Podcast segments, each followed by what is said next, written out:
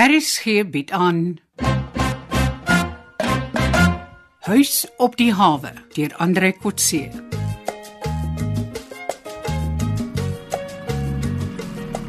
Nigel, jy sal vandag moet skipper vat asseblief. Ek sal my hande vol hê met die hommeltuig want die ding het nagsiglense op sy kameras. OK.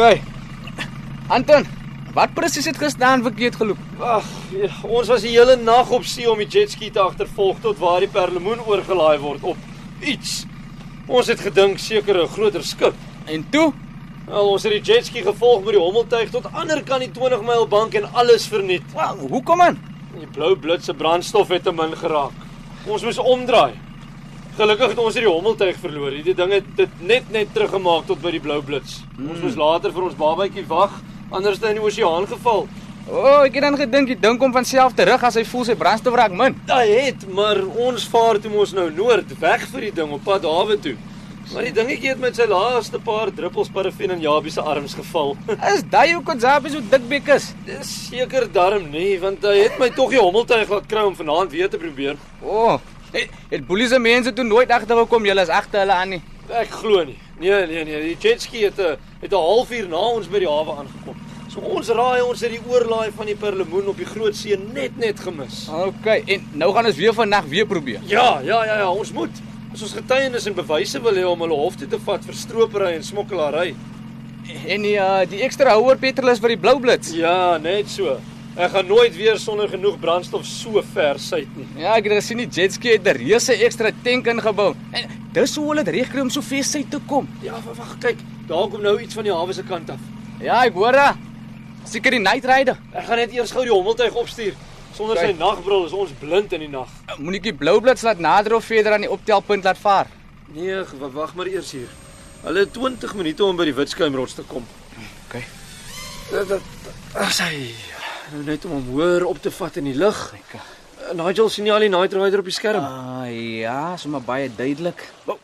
Dit lyk my as vier manne aan boord. Mm, mm. Hulle is op pad na die skuimrots.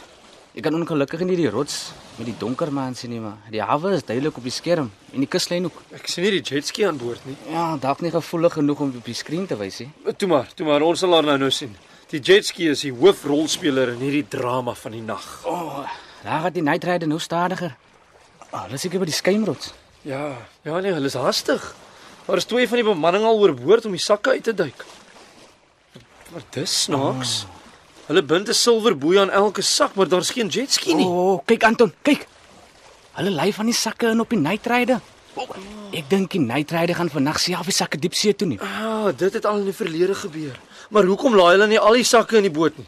Daar's nog 4 of 5 wat langs die boot in die water dryf. Die sakke wat ingetel word, het nie die blink balle aan nie. Net die vyf wat in die water dryf. Ek wil môre gaan kyk of ek een van hy blink balle as bewysstukke uit Boelie se stoor kan gapsie. Ja. Ek het 'n speetjie vir die stoor laat maak. O, dit sal gaaf wees. Ja. Maar daar's meer sakke as blink balle. Mm. Ek dink ek weet wat nou gaan gebeur. Wag, wag. Deel van die perlemoen word ingelaat. Maar daar's nie genoeg plek op die boot nie en die res van die sakke sal gesleep moet word. Ja, die vrag is seker te groot vir die jetski alleen en die ruimte in die boot te min vir die hele vrag. Ons sal sien. Dit beteken die boot, die Night Rider, sal self die vrag dra en sleep tot by die bestemming. Ja, en die night rider gaan ook 'n probleem hê met brandstof as hy soveel suid wil vaar as wat jy gister aangery het. Ja, jy's reg, skipper.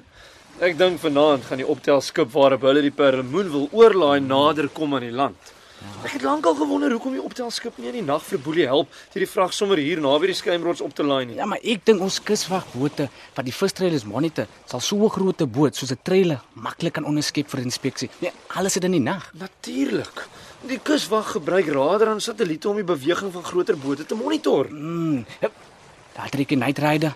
Kyk, in 'n suidelike rigting diepsee toe. O, ek dink ons gaan vandag vinniger klaar wees as laasnag se gesukkel. Wag, wag, ek vat net gou die hommeltuig op na 3000 voet toe. Daar kon ons al die groter optelboot op die skerm sien nader kom. Slim Anton, man, ek het nie eens daaraan gedink nie. Ja, die night rider vaar lekker vinnig met sy sleepsel sakke en al. Ons spoed is al klaar op 20 knoppe. Oei, God was reg. Ja. Die hommeltuig is maar nou op 2500 voet hoogte en ek sien klare verstryder wat stadig noord vaar. Ek het Boelie se Night Rider in die groter boot op dieselfde skerm. As ons reg is, hoef ons nie verder suid te vaar nie. Ons kan alles op die skerm volg en die video opneem waarvoor ons gekom het. En ons kan onsself teen die ryde van die visstrele beskerm As ons net hier op die water lê, sal niemand dink ons agtervolg 'n koerier van smokkelware nie. ons lyk op die raider soos enige skieboot wat op die bank visvang. Ek moet maar net die hommeltuig so ver moontlik van die aksie afhou.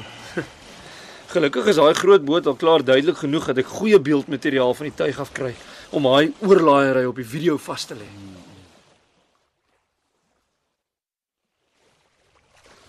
Anton, daar lê die night rider nou langs die voorstreile. Sy kan maar die beeld begin opneem. Ek het al begin lankal. Kyk hoe duidelik is die beeld. Ek kan tot die naam van die Chinese trailer op die skerm sien. Oh, kyk Anton. Oriental Dragon, kyk. Kyk, kyk.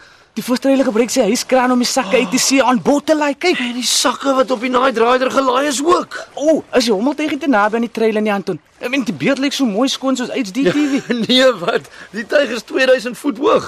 Geen klank van daai hommelbuis sal op seevlak gehoor kan word nie. Ons het in elk geval nou alles wat ons wou hê. jy kom maar aanskakel en terug aan hawe toe skipper. Ai ai, kaptein. Ons sal lank voor die night rider by die hawe wees. Ons ende sal al koud wees by die tyd wat Boelie en sy crew by die hawe kom.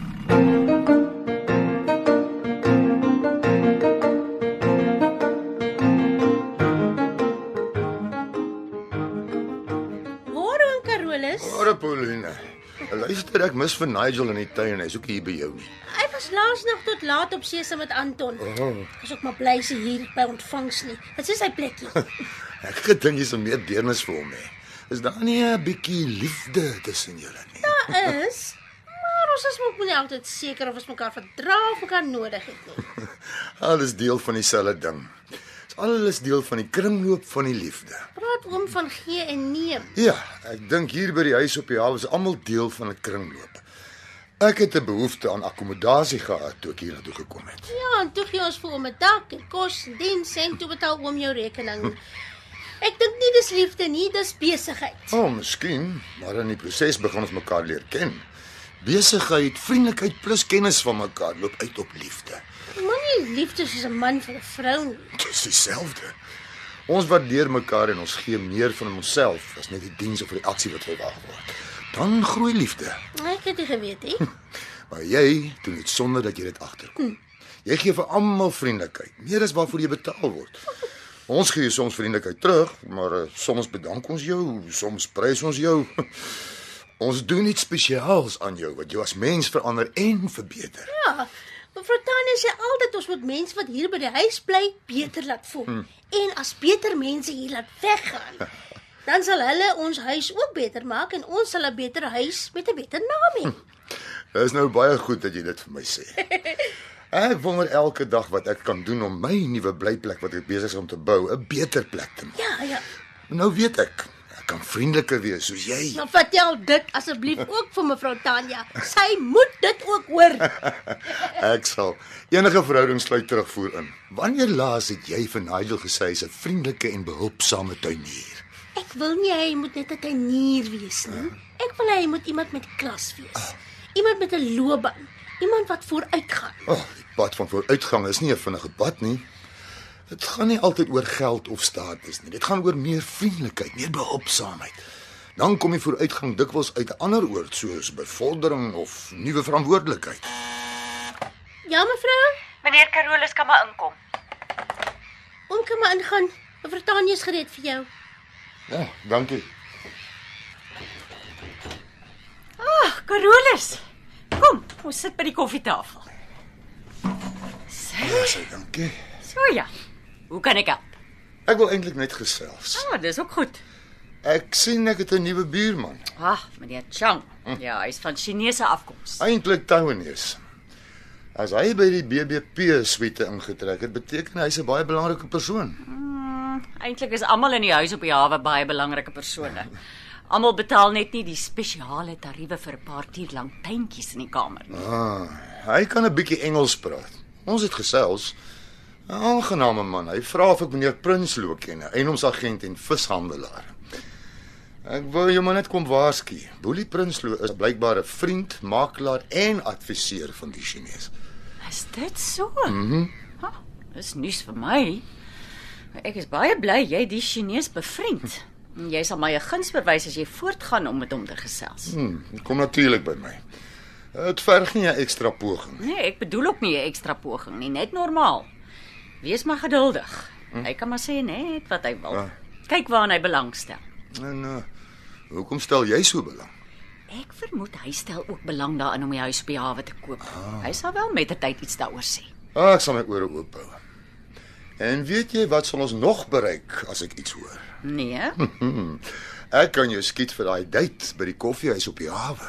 dis mos nie nodig om daarvoor te wag nie. O, oh, kom ons gaan nou. Nee, wag nou, ek het darm 'n werk om te doen ook. Wag, kom ek sê jou. Sodra jy iets hoor oor die Chinese gas, dan gaan drink ons daai koffie. Haai. Dit lyk my by hierdie huis op die hawe kos 'n gewone kinderstoetjie jou 'n koffie. Nee, ek sal mos vir die koffie betaal. O, nog erger. Dan maak jy van my 'n spioen wat vir sy inligting betaal word met 'n koppie koffie. Pauline, het meneer Chang wat in die BBP suite ingetrek het, vir jou toe hy geregistreer het genoem dat hy ene meneer Prinsloo ken. Nee, mevrou. Ag, maar dis baie skaam. Ek dink vir sy Engels. Dis maar 'n bietjie swak, hoor. Is dit vir Boelie wat hy ken? Ja, ek hoor by Carolus die man ken vir Boelie. Maar jy hoef nou nie iets eh, spesifieks te vra nie, maar as hy iets vermeld, luister maar asseblief. Nee, ek sal net luister. Dalk moet ek 'n bietjie van 'n vlerrie wees. Dan vertel hy my meer as net die gewone. Jy moet oppas. Jy kry dalk meer as waarvoor jy soek.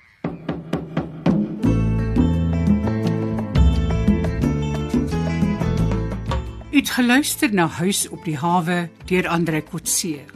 Die spelers die week was Tanya, Johnny Combrink, Boelie, Chris Magid, Anton, Pierre Nelson, Pauline, Zenobia Kloppers, Rina, Rulien Daniel, Japie, Pieter van Sail, Nigel, Jared Geduld, Connie, Randy January en Carolus Johan Stassen.